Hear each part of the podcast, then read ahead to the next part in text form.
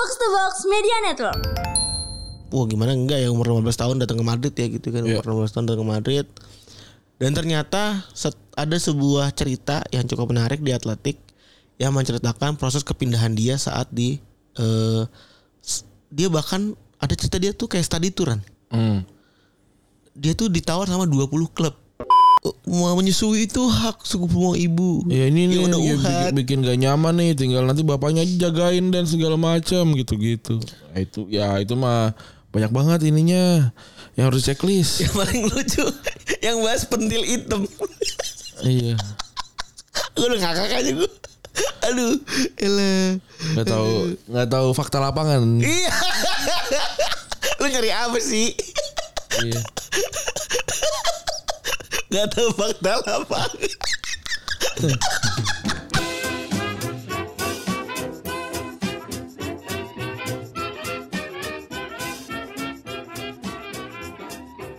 Podcast Retropus episode ke-638 masih bersama Double Pivot Anlananda Gorandi. Dan gua Febri. Oke, selamat hari Senin teman-teman. Yuk sama hari Senin semuanya. Nih Senin yang udah mendekati libur Natal ya. Iya, eh, lumayan ya ada libur panjang ya. Iya. Udah mendekati libur Natal, udah apa namanya? Udah enak lah. Mm-mm. Ya kan udah enak. Terus lo darahnya liburan akhir tahun? Gua ada terakhir kali podcast masa rekaman tuh tanggal 21 kayaknya. Antara 21, iya 21. Habis itu libur sampai tanggal 18 mereka. Oh. Tapi kalau gua mah tetap masuk 21 22 22 itu kita buka cabang baru ya? Apa 23 sih? Dua-dua. Dua-dua ya, dua-dua buka cabang baru libur, tapi gua tanggal tanggal 27 28 kayak harus masuk deh. 29 30 31 1 kayak tanggal 2 baru masuk lagi ya. Lumayan ya, seru ya. Ada ya setiap kebijakan kantor beda-beda ya. Bu- dan cukup nikmat kalau ada kantor yang meng- menggunakan kebijakan libur akhir tahun. Dari tanggal eh, 23 sampai tanggal ada tuh tanggal 24 kalau nggak salah 24 ya? 24 tuh minggu, 25 tuh Senin. Iya, berarti 25 sampai tanggal eh, 2 ya. Hmm. Baru masuk. Itu buat lu, lu pada yang punya kantor begitu cukup mengenakan tuh, Iya. cukup mengasihkan Kita tuh. mau rekaman bankingnya tuh. Apa biasa aja kali ya? Boleh sih banking ntar gua kalau gua ada ini ya, kalau gua ada Gue nggak ada rencana ke luar kota sih, tapi paling gue pulang ke Bekasi aja. Iya misalnya kalau gue ada rencana keluar kota gue gua kasih tahu ya. Iya. Tapi sih paling cuman bankingan satu dua episode doang gitu, bukan yang lebih banyak banget. berarti kita nggak minggu eh bulan ini, eh tahun bulan ini, tahun ini udah nggak ada rekaman sama gara-gara bola berarti ya? Iya. Apa lah. Ya udah, udah udah empat tahun. Ntar kita bikin lagi yang lain lah. Heeh. Terus eh apa namanya? Ya cukup mengasihkan hawanya udah liburan. Iya benar, Di mana-mana sudah Natal. benar. Cukup gue cukup pencari karena gue punya bocah gitu. Cukup pencari mall-mall yang cukup festif pohon Natalnya gitu. Gue kemarin ke Gandaria City udah cukup rame. Natal dan apa segala macam. Cuma gue malah malah males karena penuh. Oh iya, penuh Malah sih. penuh. Iya. Penuh sih ya pasti. Eh, eh, walaupun ada Margo City yang dipuji-puji. Kenapa? Lu tahu Margo City yang dipuji kalau eh, apa namanya? Eh jadi kan Margo kan ini bikin foto Natal gede banget. Terus ada yang satir. Eh selamat Kota Depok eh Natal ini berdiri eh, pohon Natal ini berdiri eh, apa namanya? Sorry. Selamat untuk Kota Depok yang telah dipimpin selama dua PKS selama 20 eh, selama dua periode lebih. Eh pohon Natal ada ada berdiri pohon Natal gede banget di Margo City gitu. Oh. Terus itu dianggap sebagai sebuah keberhasilan Oh. dan sebuah toleransi yang sangat besar sebelum-sebelumnya nggak pernah ada ya? Lebih kepada kan biasanya kan yang berurusan dengan sinter yang berhubungan dengan topi merah pohon Natal yang udah sering ketahuan konten yang udah sering kita bahas di beberapa tahun lalu Iya. itu saat ini tidak ada saat ini hilang gitu. Kontennya, konten-konten begitu. konten-kontennya hilang dan laporan-laporan di lapangan ke Twitter tidak ada gitu belum ada nih sampai sekarang dipuji lah ada Orang nggak ada yang pakai topi ketupat ya? Pas lebaran. ya memang kita tidak ada budaya seperti itu gitu Pakai topi ketupat, ya nggak ada. Maksudnya nggak ada nggak ada budaya. Eh, lu bikin kalau misalnya eh, apa namanya tahun baru kan atasnya pakai top pakai topi trompet tuh topi segitiga. Cuma topi ulang tahun. Iya gak sih kalau banyak banyak juga gak sih itu? Topi Salah itu kali ya. Salah occasion. iya nggak tahu sih gue.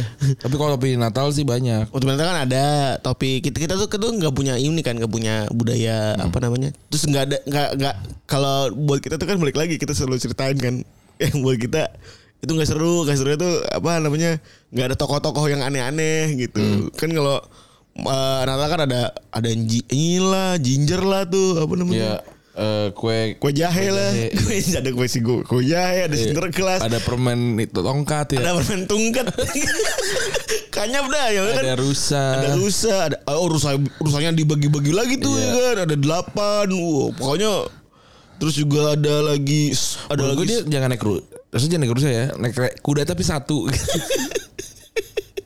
naik ada lagi snowman Iya. ada lagi yang jahat pit hitam walaupun jarang Iya. muncul di mall tuh kan Kenapa hitam ya? udah auto pilot berarti ya emang pit hitam tuh udah jadi ini ya jadi Iya. momok gitu Dulu kan ada lagunya kan. Bawa tongkat, eh kan apa sotopit ya? Sot so tepi ya Iya, sotopit, sotopit, sotopit. Bawa tongkat dan bawa cambuk. Siapa anak yang nakal? Masuk karung lalu digebuk. Anjing, lagunya creepy banget. dilukup Dimasukin karung. digarungin dipukulin itu lagu apa ya? Gue gue pernah denger lagu itu tapi kayak udah gak pernah dikeluarin lagi tuh lagu. tapi gue gue sebenarnya agak menarik sih kayak mereka tuh bikin fairy tale cukup cukup ngepop gitu Karena kan dari Eropa. Iya, gua gua gua rada rada kayak anjing cukup ngepop juga sih gitu. Walaupun rada patah juga Iya. gitu. Gua nggak pernah gua tidak pernah mendengarkan cerita lengkapnya lah dari s- eh, Sinterklas, Su- Sotopi, terus ada muncul tiba-tiba muncul karakter baru, mau snowman kayak mau permen jahe, mau permen tunggat. Gue nggak nemu tuh asal usulnya. Maksudnya itu kan IP IP yang bisa di sub ya Iya. gitu maksud gue ya. Terserah deh itu kan IP umum tuh masuknya ke common common knowledge ya kan? Ya nggak usah izin lah udah aksi aja ada yang bikin gitu maksud gue seru banget gitu. Tapi gue bi- selalu patah tuh. Selalu patah. Dan anak gue kemarin cuma bilang ya taunya Christmas aja gitu. Dia tahu dia tahu Christmas dia tahu tontonan YouTube ada Christmasnya. Terus ngeliat ngeliat ada apa namanya ada eh orang berjenggot Iya. elu berjenggot tuh tinggi gitu-gitu ya dia dia dia senang senang gembira dan dia bilang dan, dan dan dia bilang bahwa ini agama Christmas kita tahu aja agama Christmas Iya iya iya iya. iya. Seru gue juga ngeliatnya menarik gitu karena karena jadi jadi berwarna ya Mm-mm. Dan juga biasanya filmnya bagus-bagus kan. iya Christmas. iya benar Kalau di Lebaran tuh makanannya yang enak. ya kita kita bahas kita bahas kan. Fuck lah Christmas makanannya Makanan apa makanan sama goreng kentang lu cari tuh ayam roasted chicken Nggak enak. sama ayam Mr Bean Itu gue juga baru tahu tuh faktanya Mr. Bean tuh cuma 12 episode ternyata. iya Tapi bisa bisa panjang begitu ya. dan kita ulang-ulang terus Yang seakan-akan tuh berapa banyak episode tuh. Yang kalau yang yang gue inget kan yang itu tuh yang dia ngecat, Mm-mm. yang dia pakai bom kan. iya Itu yang dia naik mobil di atas. Terus itu yang ternyata sup sup supan ya. Iya pacarnya yang masuk kepalanya. Terus yang dia datang ke Klub. datang ke klub yang ada. Ada mau pacarnya. Yang gue tahu dia yang dia datang ke rumah sakit, Rumah sakit juga datang ada. ke pasar malam gitu ya. Apa sih datang ke tempat ini? Nah, ini sama nih Mr. Bean juga patah nih. Hah? Buat gua kayak tiba-tiba lah kalau kalau KRS gitu maksud gua. Apa? Kalau kalau KRS gitu. Oh em- emang kan sketsa ini kan dia sketsa aja. Iya, kayak oh iya ya balik lagi kan mau sketsa doang. Kalau kalau yang dia KRS karena tangannya masuk ke dalam teko. Oh iya. Oh iya, ada ini dicengin ya. Iya, yang itu. Yang pakai lidah itu ya. Yang dice- yang dicengin sama orang mumi ya. Apa yang ditukar ininya? Iya. Ditukar Apa nama anjing. nomornya? Nomornya nomornya diwarnain anjing. Ternyata di- kebalik ya? Eh, enggak bukan nomornya dibalik terus dikasih tulisan lagi. Iya. Seru seru sih. Gue sih ngejar ulang eh ulang tahun lagi panjangnya ininya aja, panjangnya liburan aja. Hmm. Kan masih ada banyak perdebatan kan tanggal 25 Desember bener nggak hari lahirnya Yesus Kristus gitu-gitu kan. Ya udah nggak apa-apa dah. Kalau lu mau cari tahu silahkan ya. Kita bukan nggak melarang itu kan pengetahuan yang seru juga gitu. Kalau yang mau cari tahu. Tapi impactnya balik lagi rasional aja, rasional aja. Ya benar kata Randi, udah ambil liburannya aja udah gitu. Dan gua gue sih kalau misalnya ditanya, eh gue sih akan selalu menyiapkan berbagai macam pertanyaan kayak kenapa kita beda. Misalnya anak gue kan pasti nanya bakal, bakal aneh kan. Kenapa kita beda sama mereka gitu-gitu kenapa apa segala macam itu perlu gue jawab dengan baik gitu. Yang tidak gue dapatkan di rumah apa segala macam dengan hangat gitu ya sehingga gue melarang teman gue melarang eh teman gue nyedot dari sedotan gue temen gue orang Kristen itu kan maksud gue ya itu pasti harus dijelaskan dengan baik tapi silakan kalau pengen tahu cuman ya udahlah nikmatin liburannya gitu Kalau soal ucapan selamat Natal, gua ngucapin ke yang gua deket banget. Hmm. Kalau yang nggak deket, yang kayak nggak nge- nggak nge-tweet juga, nggak bikin postingan selamat Natal nggak. Tapi gua ngucapin ke yang deket dan ya nggak banyak juga yang yang deket dan diucapin gitu. Karena karena teman-teman yang dari luar eh agama Islam juga kalau lebaran ke gua juga kan banyak kan gua orang teman-teman gua Islam jadi nggak banyak juga. Iya tapi iya bener sih. Gue juga kayaknya ke yang teman-teman kita nggak ada yang gila-gila minta diucapin sih. Nggak ada. Gue paling cuma selamat hari raya terus eh karena kayak si Ocer aja nggak pernah gue ucapin tuh. Eh yang rutin kan koci gua ucapin. ya rutin ko- koci doang kayaknya koci doang ya? Iya koci doang. Koci doang bahkan gue pernah gue pernah nih eh kan lagi ada misa di TV itu ya. Ada misa di oh TV koci mah ngetek kita kan. Mana nih berdua belum ngucapin? Iya. Biasanya di gitu waktu waktu kita belum ngucapin tuh. Kan eh, gue gue pernah nih kan di TV eh, ada misa tuh malam-malam. Gue pengen belajar. Cur lagi sibuk gak? Kagak lagi kadem kenapa? Kon kon gue mau belajar ini eh, sama Maria tuh jadi jadi jadi gosip itu ngomongin ini ngomongin soal gereja Katolik gitu Maria tuh Katolik juga ya? Katolik juga. Eh Maria Maria Protestan. Oh. jadi belajar terus gue gue gue belum pelajari kerennya Katolik itu apa terus bedanya dengan Protestan apa gitu gitu pas di Jogja tuh waktu syuting distrik tuh si Kevin Ocir tuh kan juga lagi ngerayain misa itu kan. Mm. gue nggak dengerin mereka ngobrol gue harus begini begini gitu gitu oh walaupun gue juga udah ada ini ada pengetahuan kan apa namanya soal begitu begitu karena gue belajar juga. Seru sih emang.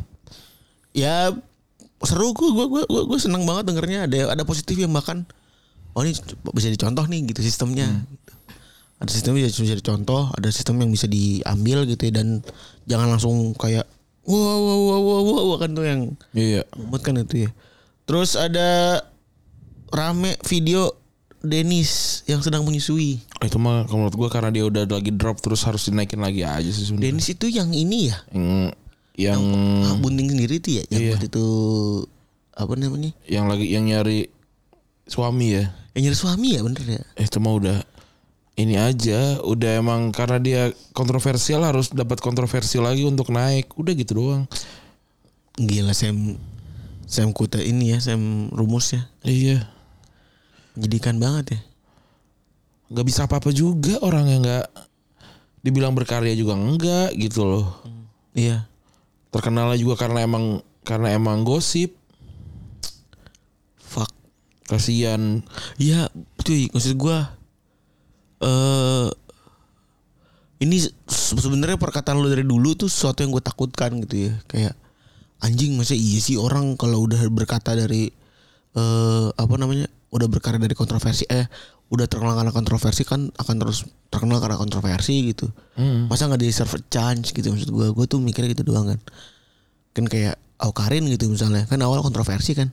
Perkara kontroversi sekarang dibikin apalah bikin apa dan lain-lain gitu. Tapi kan nggak pernah ngebum iya iya pada akhirnya oh bener juga. Tapi dia tapi dia udah bisa makan dari kolamnya iya. Aukarin tuh. Iya bener oh mungkin to make it sustainable ya cukup lah gitu. Cuman to broaden your uh, pool gitu susah.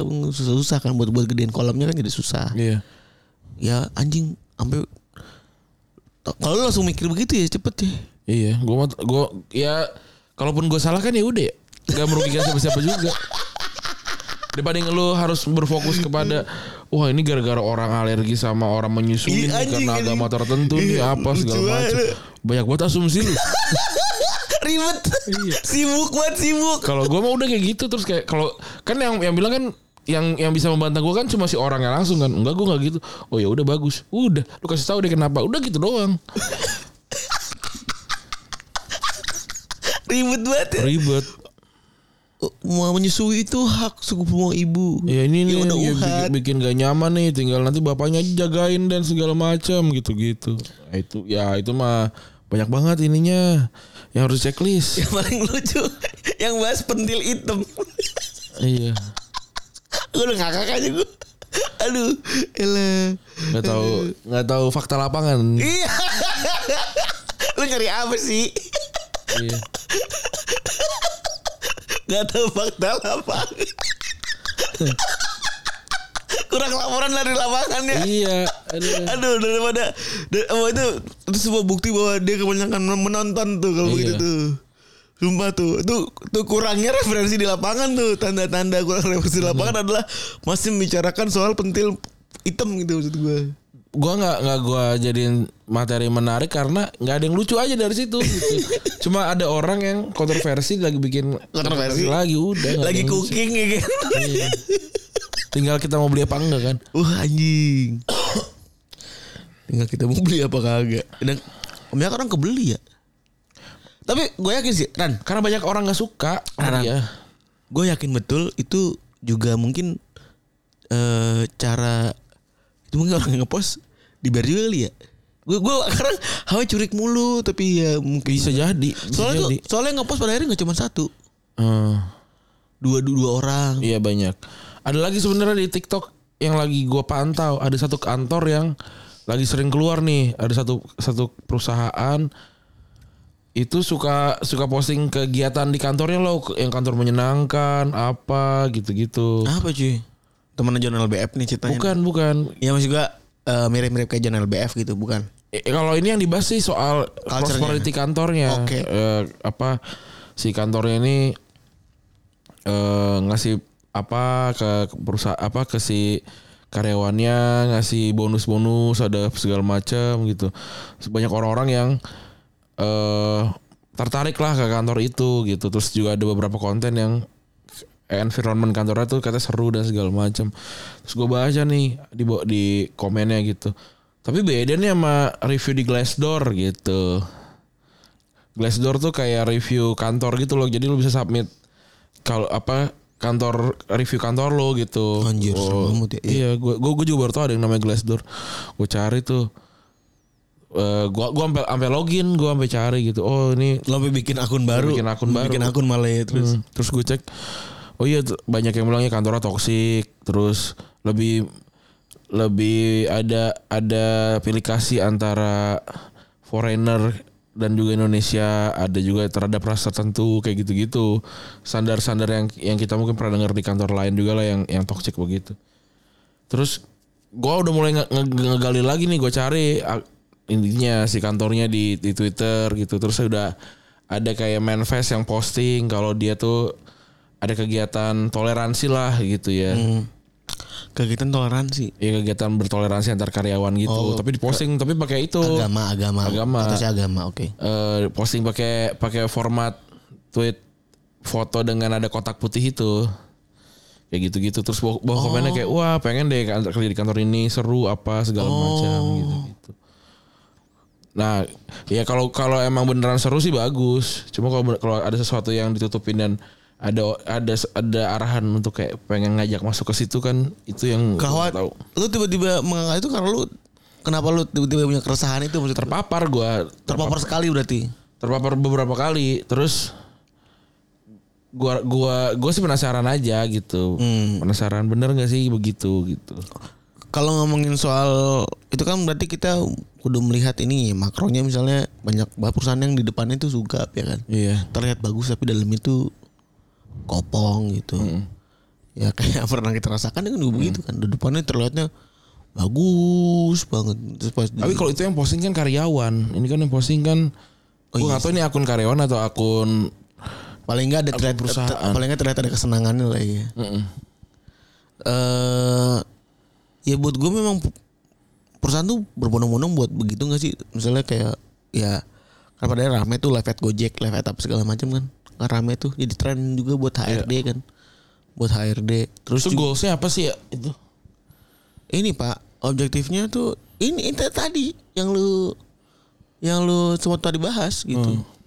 Eh Citranya ba- jadi bagus. citra karena salah satu indikasi salah satu indikasi yang diperhatikan sama calon karyawan baru generasi saat ini itu adalah company company culture. Hmm.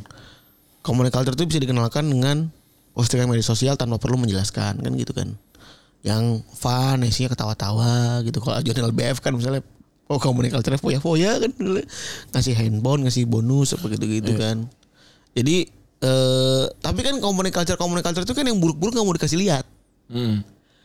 buat gua kalau jurnal BF ngasih bonus tinggi wajar nggak kalau pressure juga tinggi? Wajar lah. itu maksud gua. Dan semua orang tuh banyak yang nggak siap sama hal Iya itu. betul. banyak orang nggak siap sama hal itu. Dipikir kerja tuh taunya enak doang. Enggak enggak enggak nggak bisa lo utopi seperti itu utopi seperti itu. Gitu. Dan menurut gua jurnal BF ada titik di titik di mana eh eh diliatin bagusnya doang. Semua orang expect apa. Terus pas keluar satu persatu jadi wow jadi wow efek kan? Iya. jadi wow efek dan eh apa namanya dan jadi orang jadi kontroversi gitu kan yang bikin orang kontroversi kan orang expectnya apa ternyata gimana kan Iya. selalu deh tuh Padahal kan faktanya kan ya si Jonal Bev kan yang kalau kita dari kita ya penasaran adalah kok dia bisa begitu. iya Bukan soal culture perusahaannya.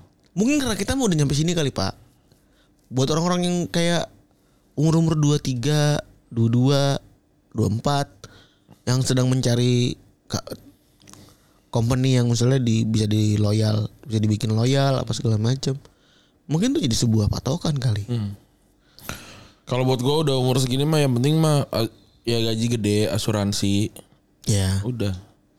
Sama lo asuransi swasta ya swasta gue. Asuransi swasta sama BPJS ada dua.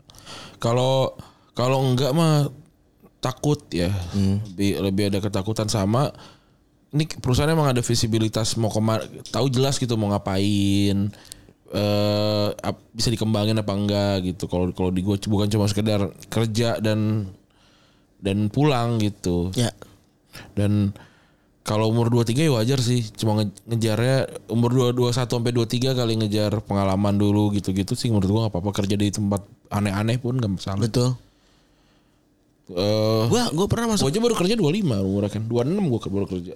Berarti gua kerja belum lama gua, baru 5 tahun. Baru 6 Emang baru, lima. baru, baru, baru 25 tuh yang real kerja ya Iya kan gua lulus kan 7 tahun. Kan 18 kan, 25 gua baru lulus. Baru keluar dari baru kelu- keluar. anjir ya bener bener bener, bener. 27 gua baru pindah ke asumsi kan? Emang 27 27. Gua gila 27 gua juga gua kawin 27 itu 2000 Dua- berapa? 26 26 27 itu 2019 Lu kan 2018 Eh iya bener Iya 2019. Anjing di ulang tahun lu ke 27 ya udah Di, di, di tahun di ulang tahun gua ke gua ke 27 tuh gua ba- berubah banyak banyak kan. 2018 tuh kita lu aja kan waktu retropus kan gua belum diasumsi. Wah iya bener bangsat Iya. Gua masih di kantor lama, Fuck masih masih masih perusahaan lama udah. Baru 27 berubah, baru baru berubah. Masuk asumsi aja gaji gua pertama berapa? 7 juta apa 6 juta gitu.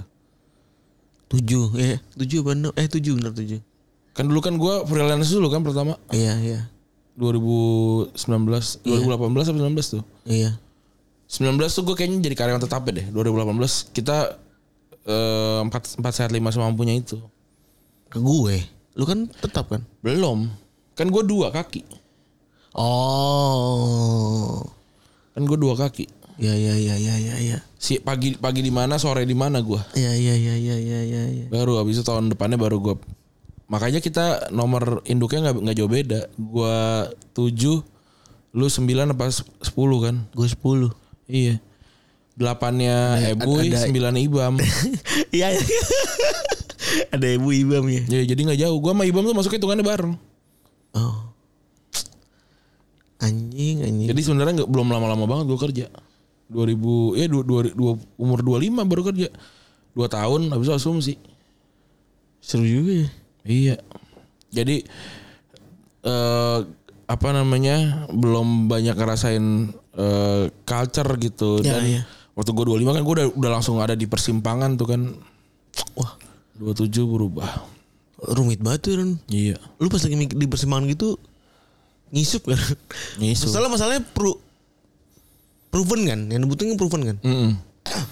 benar-benar lu persimpangan lu perlu gunting salah satu kan Gue memutuskan untuk fokus ke salah sa- ke yang gue mau kan setelah kita dapat pertama kali ini, pertama kali dapat atlet dana. Habis itu nggak lama nggak lama tuh kalau dicek mungkin tanggalnya rada-rada mirip waktu kita masuk asumsi kayaknya. coba ntar gue recap lagi deh Iya sebe- sebelum sebelum dana tuh gue baru baru masuk asumsi tuh. Oke oke ya, kalau buat lo teman-teman yang masih nyari kantor ya, eh balik lagi di balik komponen culture yang gimana gimana pasti tiap kantor pasti ada keburukannya kan, Pasti lah. pasti ada keburukannya, pasti ada kekurangannya, tidak semuanya enak. Gitu. Kantor slow bisa jadi HR juga slow. Jadi keuangannya juga terlalu slow, kan. Slow, iya. Gitu-gitu loh. Jadi, Iya. jadi jangan jangan mikir semua maunya bisa lo dapetin lah gitu. Duit bagus, kadang kerjaan tinggi gitu-gitu. Iya. Kalau emang mau semuanya lu dapetin ya bikin usaha sendiri gitu. Gitulah. Terus saya sepak bola ya.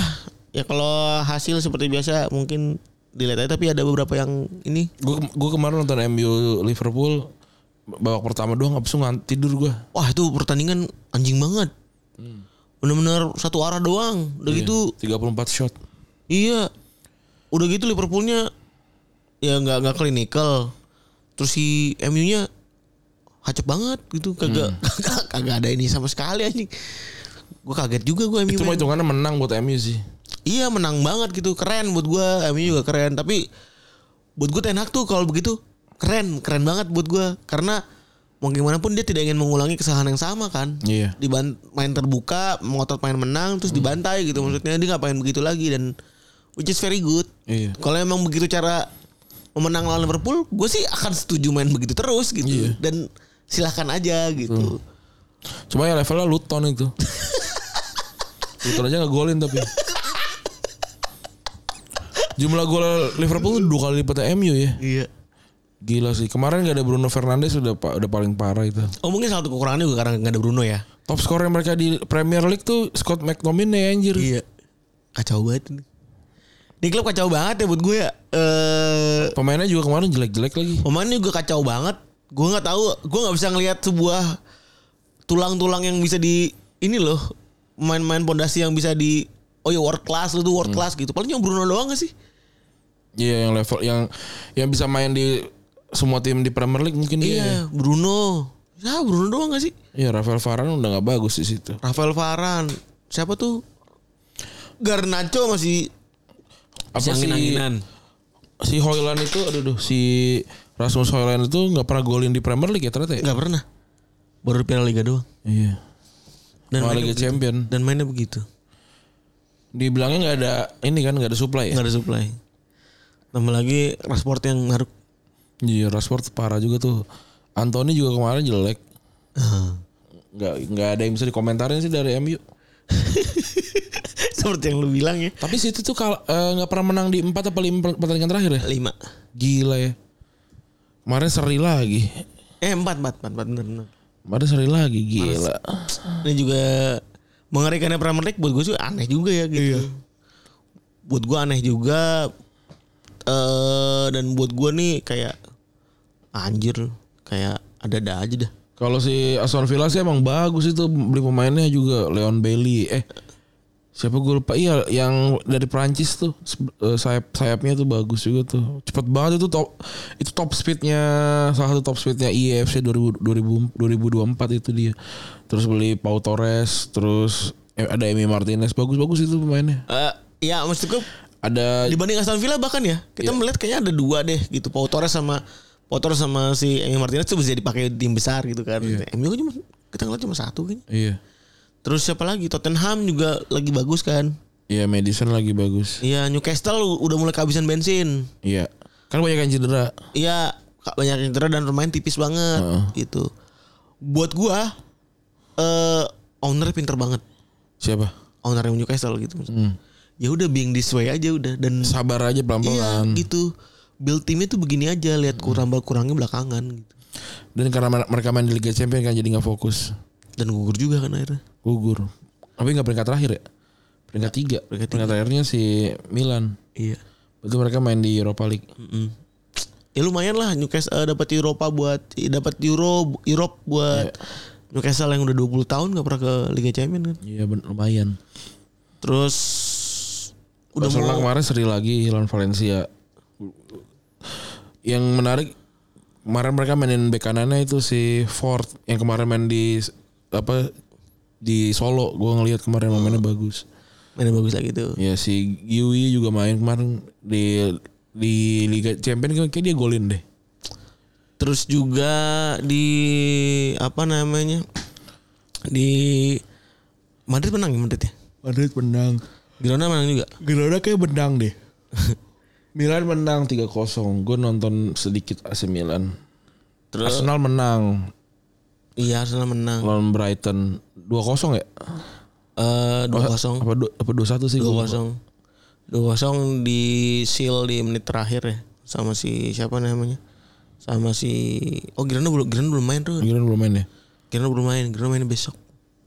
Tapi tetap Barcelona nggak bakalan nggak bakalan bisa menggeser. Kenapa? Oh ini maksud lo Poinnya. eh, poinnya sekarang ya.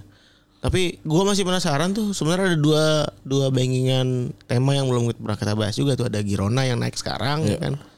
Dan bagaimana Barcelona bisa mengubah status kebangkrutannya dia jadi luar biasa kayak sekarang. Iya. Ya walaupun nggak luar biasa luar biasa banget. Tetap eh, lu kan buat buat lu kan buat lu yang udah tahu Barcelona gitu ya kayak ya, ya udah Barcelona juga Barcelona anjing gitu. Terus di Bundesliga eh Bayern balik lagi ke ininya ya, ke mental juaranya. Eh udah udah mulai menang lagi, menang 3-0. Dibantai 5-1 kan sebelumnya tapi. Iya, Leverkusen menang 3-0 juga. Udah tuh tuh horse race lagi ya. Udah mulai tuh horse race lagi. Eh balik lagi kayaknya kalau di Bundesliga nih emang pekan kita gua sampai apal, gua pribadi sampai apal nih ya. Gua pribadi sampai apal. Pekan-pekan segini tuh pasti udah mulai dua, nanti yang atas tuh kehabisan bensin gitu-gitu. Kayak tahun lalu kan Dortmund tuh di atas. Minggu depan berarti main dua kali ya. Boxing Day sama weekday, weekend ya. Ya, Wah penuh padat lagi. ya bener ya. Tengah pekan ada Natal ya. Eh tengah. Oh enggak. Natalnya nggak nggak di tengah pekan di Minggu kan? Iya, iya. Eh di Senin. Betul. Berarti Boxing Day-nya di Oh berat, berarti tanggal main dulu di tanggal 2 23 24 Natal habis itu 26 27 main lagi ya. Heeh. Biadab. Seru banget tuh. Iya. Jauh lebih edap. Hari ini ada yang berulang tahun yang ke-24. Eh, orang yang kemarin nyaris nyetak gol juga tuh. eh, lawan Brighton ya. Eh, si apa namanya si Martin Odegaard. Ya. Wonderkid yang sejak awal itu jadi bahan bacotan wah gimana enggak ya umur 15 tahun datang ke Madrid ya gitu kan Iya. umur 15 tahun datang ke Madrid dan ternyata set- ada sebuah cerita yang cukup menarik di Atletik yang menceritakan proses kepindahan dia saat di s- dia bahkan ada cerita dia tuh kayak study touran Hmm. dia tuh ditawar sama 20 klub Buset. bener Gila ya. dia ditawar sama 20 klub dan dia tuh kayak milih kampus Ran Jadi jadi dia milih-milih. Jadi dia tuh ini bukan milih-milih. Kayak lu milih kampus kan eh, ada kan eh, ikut ke apa namanya? Bedah kampus. Bedah kampus gitu.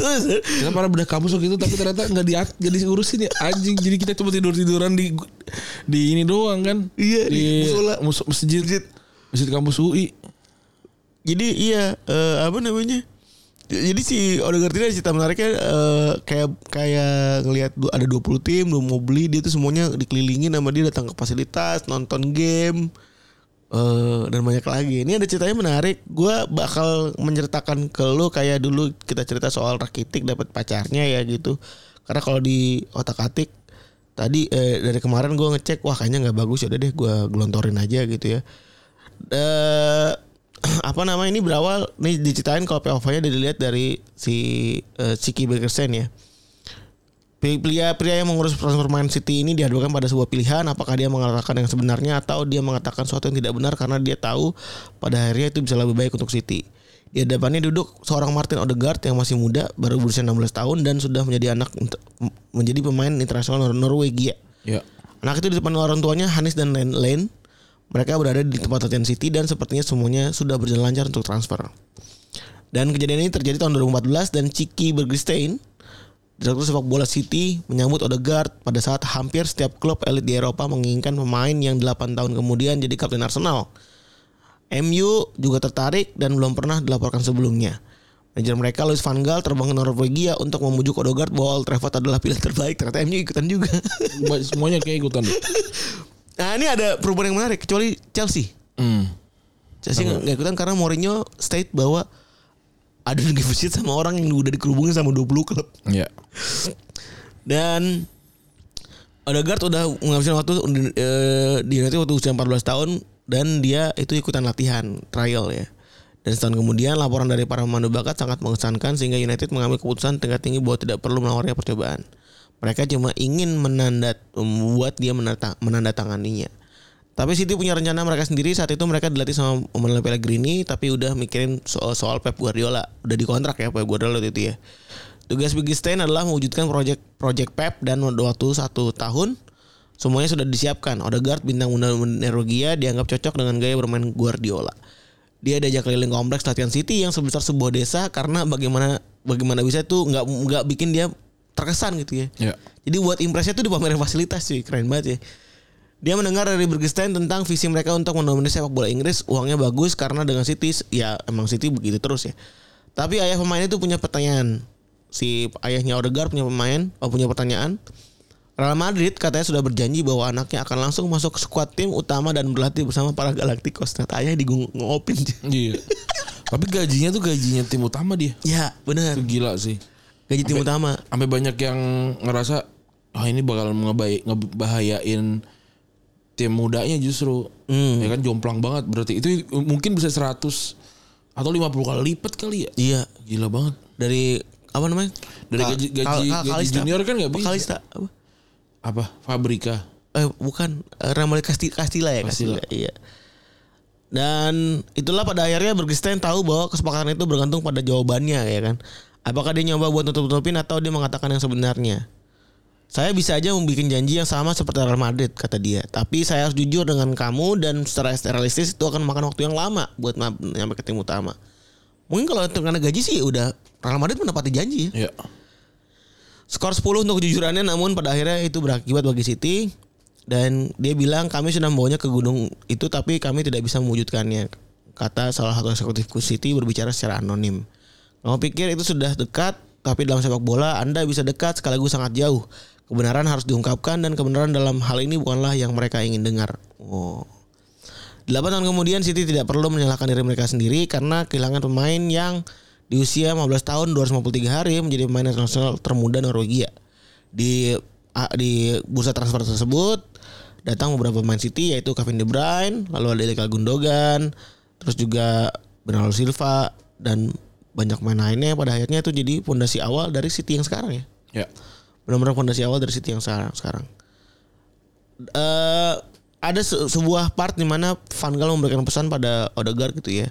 Karena nggak nggak semua nggak cuma Guardiola yang ngalamin gagalnya dapetin si Odegaard. Semua klub besar manajer Odegaard eh, setelah eh, dia bisa menerobos squad Strom Godset di Norwegia. Dia menawar mendapat tawaran dari seluruh Eropa dan sebelum memutuskan dia dan keluarganya melakukan tur ke kota-kota dan stadion yang re- relevan ini kayak orang lihat kampus makanya. Betul. Erling Haaland melakukan hal yang sama sebelum pindah dari eh, dari Borussia Dortmund ke City musim panas lalu namun eh, musim kemarin. Namun dengan Odegaard dengan Odegaard penting untuk ingat eh, waktu itu usianya. Karena ayahnya itu punya pengaruh besar Ya. itu. Tapi menarik juga ya ini Norwegia semua nih. Tapi dan lagi banyak juga yang lagi bagus-bagus kan ada Antonio Nusa tuh. Mm-mm. Terus juga ada Oscar Bob ada pemain City Ya. juga tuh yang Ya. yang baru yang baru naik juga. Hebat juga ya. si Skeldrup kayaknya juga Norwegia ya. Setahu gue. Wah, itu lagi banyak juga nih. Eh kalau Isak Swedia, Isak Swedia. Swedia. Nah, itu mungkin ntar bisa kita bahas tuh kenapa tuh Norwegia pemainnya lagi bagus-bagus dari usia yang muda banget. Boleh ya, ntar gue cari. Dan dia dan Odegaard menjadikan syarat bahwa dia ingin belajar dari yang terbaik dan pelatih dan berlatih bersama pemain yang elit atau tidak ada kesepakatan yang terjadi. Keputusan yang tepat, Van Gaal secara terbuka mengatakan itu adalah kesalahan. Odegaard katanya membutuhkan pendidikan terbaik dan Madrid bukan tempatnya. Oh. Jadi apakah Manchester United, Odegaard dan keluarganya berbicara, berbicara panjang lebar dengan Ole, Norway juga ya. Dia pakai ini juga nih, pakai kedaerahan juga. Tapi United mengalami masalah yang sama dengan City. Dalam pertukaran email dengan The Athletic, Van Gaal mengingat sebagian dari percakapan tersebut. Manajemen Odegaard ingin dia berlatih dengan tim A, jika saya tidak salah ingat. Setelah itu saya tidak mendengar atau melihat apa-apa lagi darinya. Berarti benar syaratnya adalah main di Ya dia pengen langsung ada di di tim utama ya. valid sih. Jadi Madrid juga nggak ngop sih sebenarnya. Iya tapi nggak nggak dimainin aja cuma latihan doang. Iya. Iya. Rugi itu kan ya? Apanya? Dijual cuma sekian begitu doang. Ya nggak nggak segitunya lah buat Madrid mah. And Hena juga ya. Kan dia kan Tapi dia, dia punya banget. punya ini terus ya, punya klaus terus di, di kontrak di tiap transfer transfernya kali ya. Iya dan mungkin orang tua juga pinter ya untuk ngelindungin anaknya. Heeh. Lalu ternyata Barcelona juga tertarik ya. Barcelona itu juga tertarik dan itu menarik bagi Odegaard karena dia kalau diingat dia tumbuh seperti banyak anak laki-laki seusianya dengan poster pemain paling terkenal di tim tersebut di dinding kamar tentu saja Lionel Messi ya. Dan itu menjadi poin USP alias unique selling point untuk Bar- Barca. Mereka punya sinar matahari dan daya tarik Camp Nou tapi tidak ada yang lebih menarik bagi calon pemain baru daripada tawaran untuk bermain bersama Lionel Messi. Hmm. Gila. Odegaard diajak berkeliling oleh Andoni Zubibareta, saat itu direktur sepak bola Barca, ada tur stadion dan undangan tiga hari setelah ulang tahunnya yang ke-16 untuk menonton Messi beraksi. Dan pada 20 Desember 2014, tim Luis Enrique bermain di La Liga melawan Cordoba. Messi nyetak 2 gol dalam kemenangan 5-0 dan itu mereka kayak ini lagi lagi merak pamerin bulu ya. Yang kemarin ditemukan tuh. Di Twitter ada tuh bulu panjang banget aja. Kata burung hantu. Itu burung merak cuy. Hah? Burung merak. Kok bisa di situ? Jadi udah ada ada ada ini ada pemerhati hewan. Ada burung mania. ada burung mania. Ada kicau mania Ada ya. burung mania. Kalau kicau mania kan dia taunya burung hias ya. Hmm. Ada burung mania yang eh, ini tahu spek. Hmm. Lu tinggal di mana? Oh deket Bromo Tengger Semeru. Dekat Bromo Tengger Semeru banyak hewan-hewan langka katanya yang Oh berarti memang ada burung merak mampir di situ ya. eh, jadi burung merak yang eh, nggak punya beginian, nggak punya apa namanya, nggak punya kipas, nggak nggak punya kipas, tapi bagian buntut belakangnya. Ma, kemarin gue sampai search kok iya anjing bulunya sama cuy. Sepanjang ini, sepanjang ini. Berarti dia burung merak bisa terbang gak sih? gue pertanyaan gue sampai sekarang. Lama tuh. Kenapa dia kenapa dia nggak nggak ada namain ayam aja sih? Bisa, bisa terbang gak ya dia? Kagak. Nggak bisa. Kagak. Kayak onta kan, kayak burung onta kan kan Bu- terbang iya. kan. Burung unta juga cuma di kita doang loh dinamain burung unta. Itu tuh ostrich. Cuma kita doang yang menyetujui kalau dia tuh mirip unta berarti. Oh iya juga. Kenapa kenapa ada dua suku kata gitu ya? Iya juga lagi. Ostrich gitu kan kalau di sana mah. Ostrich gue nggak tahu turunan kata dari mana. Kan nggak mungkin dari camel. Gue selalu ketawa lagi kalau ngeliat burung onta tuh. Di kepala gue masih begini-begini aja. Itu burung telinga kelip kelip. Burung unta tuh kalau kacang kelip nunduk. Iya cuy. Aduh, males banget.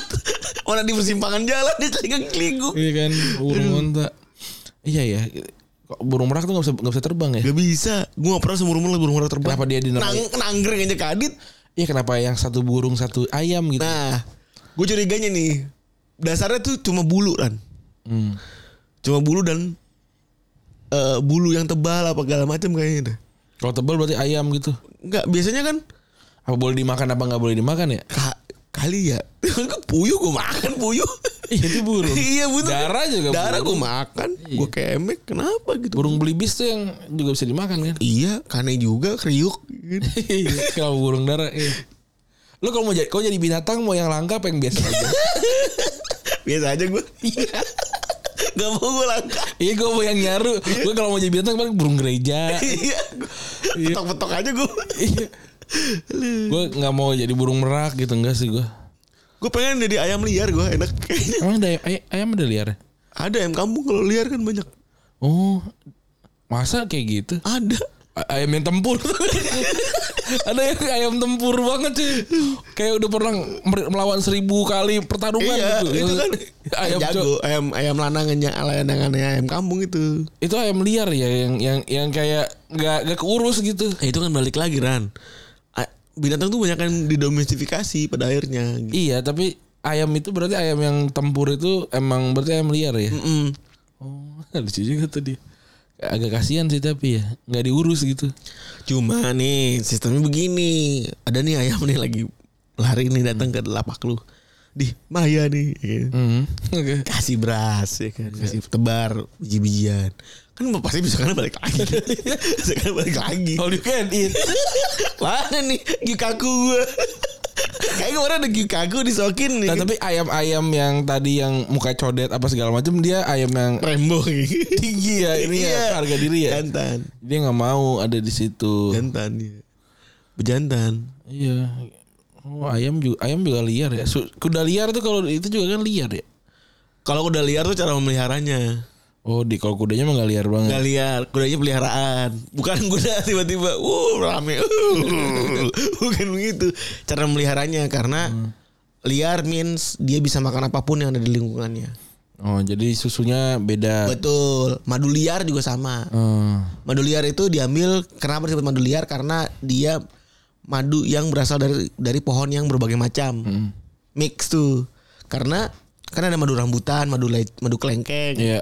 Tuh gue pernah tuh eh, madu itu di diekstrak jadi alkohol. Anjing. Jadi longan ininya. Ada Iya. ada rasa kelengkengnya, tapi gue suka ngerasain enggak sih. Cuma katanya gitu. Ya itu emang gue juga pernah kok minum mabok mendem pakai madu gue. Hmm, katanya bisa tuh. Dan itu dan mereka tuh ditaruh di kebun mad, kebun kelengkeng, ditaruh kandangnya terus pada pada nyebar ke pohon kelengkeng Iya, iya. gitu, gitu. Itu makanya disebutnya namanya gitu. Jadi hidupnya liar sama tidak liar tuh begitu bedanya. Jadi ada ada merak datang ke perkampungan berarti ya. Ini sebenarnya rumahnya Lumajang kan orang kan. Rumahnya Lumajang dekat sama itu terus dia lagi jalan, bukan bukan merak. Bukan merak dengan perkampungan, dia lagi jalan terus nemu bulu nih bulu apa ngentot panjang banget. Oh enggak ber- berarti bukan Enggak merak ngeliat meraknya. Bukan merak datang ke rumah dia tapi dia datang ke rumah merak. Iya, berarti tuh dia lagi jalan nih ngider kampungnya dia, ya kan, tudut tudut, kan ngeliat jalan-jalan segala macem. Lokit dia, bulu apa nih anjing panjang banget. Ya kan orang panik juga gitu.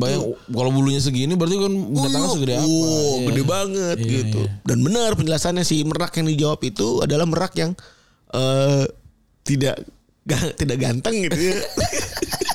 merak yang tidak spesial, tapi dia punya, bulunya coklat kan? tapi punya buntut ekstra. Jadi lu tau kan burung Iya, merak iya. kan atasnya biasanya bawahnya ada bulunya lagi nih, ada bulunya lagi. Nah, bulu itu panjang banget memang. Jadi di merak aja ada yang jelek. Coba lu bayangin di diciptakan nongol sebagai binatang yang cakep tapi dia jelek. Dibilang apa namanya gak ada selera bule juga kan di ini apa gitu kasihan ya merak ya. Kasihan gitu binatang jelek. Coba merak tuh bisa menikah kalau dia mengibarkan gitu terus ada yang tertarik. Pas, iya nggak? Kalau Iya, pas dia kayak begitu terus nggak tertarik tuh gimana ya? Itu lanang lagi. Iya, aduh kesian banget itu. Itu lanang kan ya? Akhirnya, akhirnya ya udah dia jomblo aja kali ya. Lanjut lagi ya. Iya. Dan sayangnya sayangnya buat Odegaard tadi setelah ditunjukin burung meraknya tapi orang gelem ya. Dia itu Barca dapat larangan transfer selama 14 bulan. Karena masalahnya di transfer ternyata. Karena melanggar aturan FIFA tentang perekrutan pemain di bawah usia 18 tahun dan berarti mereka nggak bisa ngerekrut siapa pun sepanjang tahun 2015 dan itu merugikan mereka. Meskipun masih muda, Odegaard nggak ingin menunda karirnya dia nggak mau pindah ke Barca. Iya. Ini terakhir adalah penawaran dari Madrid. Di sisi lain Madrid mempunyai cara sederhana mereka sendiri untuk memikat calon pemain baru. Mempresentasikan tawaran mereka di ruangan tempat memamerkan trofi Piala Eropa yang banyak. Madrid baru saja mengakhiri penantian panjang mereka yaitu untuk La Decima Piala Eropa ke-10 mereka dan itu adalah tim dengan Ronaldo, Bale, Modric dan dikelola sama Ancelotti. Tentu saja bikin Odegaard tertarik waktu itu. Tentu saja dia ingin mengenakan seragam putih halus itu dan membayangkan mendapatkan trofi itu. Baru pada musim gugur 2019, detail lain yang semula tidak dilaporkan muncul melalui Football Leaks. Di tengah aliran meng- mengungkapkan tentang rahasia finansial klub Eropa. Ini yang gini-gini gak gede di Football Leaks ya. Iya. Ayah Odegaard ternyata ditawari pekerjaan melatih tim Madrid di bawah usia 11 tahun. Hans mantan main sepak bola sendiri dengan Strom Godset dan Sanders Ford. Dan dia cuma punya CV jadi asisten manajer di Mjondalen divisi 2 Norwegia dan dia nerima tawaran Madrid dan pada hari anaknya menandatangani kontrak dia juga menandatangani kontraknya sendiri selama 3 tahun. Iya. Ternyata disogok cuy. Bokap, pakoknya dikasih iya. ewak cuy. Ini terjadi dalam sepak bola terutama di ujung atas olahraga di mana umum untuk klub menawar- menawarkan pekerjaan kepada anggota keluarga. Namun ada satu detail dalam cerita Football League yang menonjol. Kontrak Odegaard senior dikatakan bernilai 2,7 juta euro alias 3,5 juta dolar. Kira-kira lebih kira-kira 10 kali lebih banyak dari yang biasanya diharapkan untuk pekerjaan jadi plat dari head jadi coach. Wah. Jadi emang emang udah di setting lah ya. emang di lurnya bukan cuma pakai bulu sih. Iya. di lurnya pakai mangan. Iya. Kabeh nih di lur. Dan ternyata Odegaard akhirnya menyadari bahwa Van Gaal benar, mungkin Madrid bukanlah tempat terbaik baginya setelah semua. Saat itu rasanya tepat dan Madrid mencoba segala cara untuk menempatkan diri mereka di posisi yang menguntungkan. Jet pribadi dikirim ke Norwegia buat nyebut keluarga Odegaard, Florentino Perez itu nunggu di Bernabeu dan di tengah pertemuan pertama mereka ada ketukan di pintu yang berasal dari Zinedine Zidane. Zidane mengenalkan diri dan mengatakan kepada Odegaard bahwa dia sudah menantikan untuk bertemu dengannya. Dia menekat- mengatakan telah mendengar tentang bakatnya dan akan secara pribadi terlibat dalam pengembangan ini. Oh, gimana nggak tersanjung anjing kalau begini ya? Iya. Bagi Odegaard itu adalah apa yang dia ingin dengar. Kesepakatan itu menghabiskan Madrid sekitar tiga setengah juta di awal dengan kira-kira jumlah yang sama untuk tambahan dan pemain tersebut menandatangani kontrak selama tiga tahun. Secara finansial itu mengubah hidup, hanya saja cepat menjadi jelas bahwa itu tidak akan berjalan seperti yang diharapkan oleh Odegaard. Madrid sudah memiliki Modric, Toni Kroos, Casemiro, Sami Khedira, James Rodriguez, dan Isco.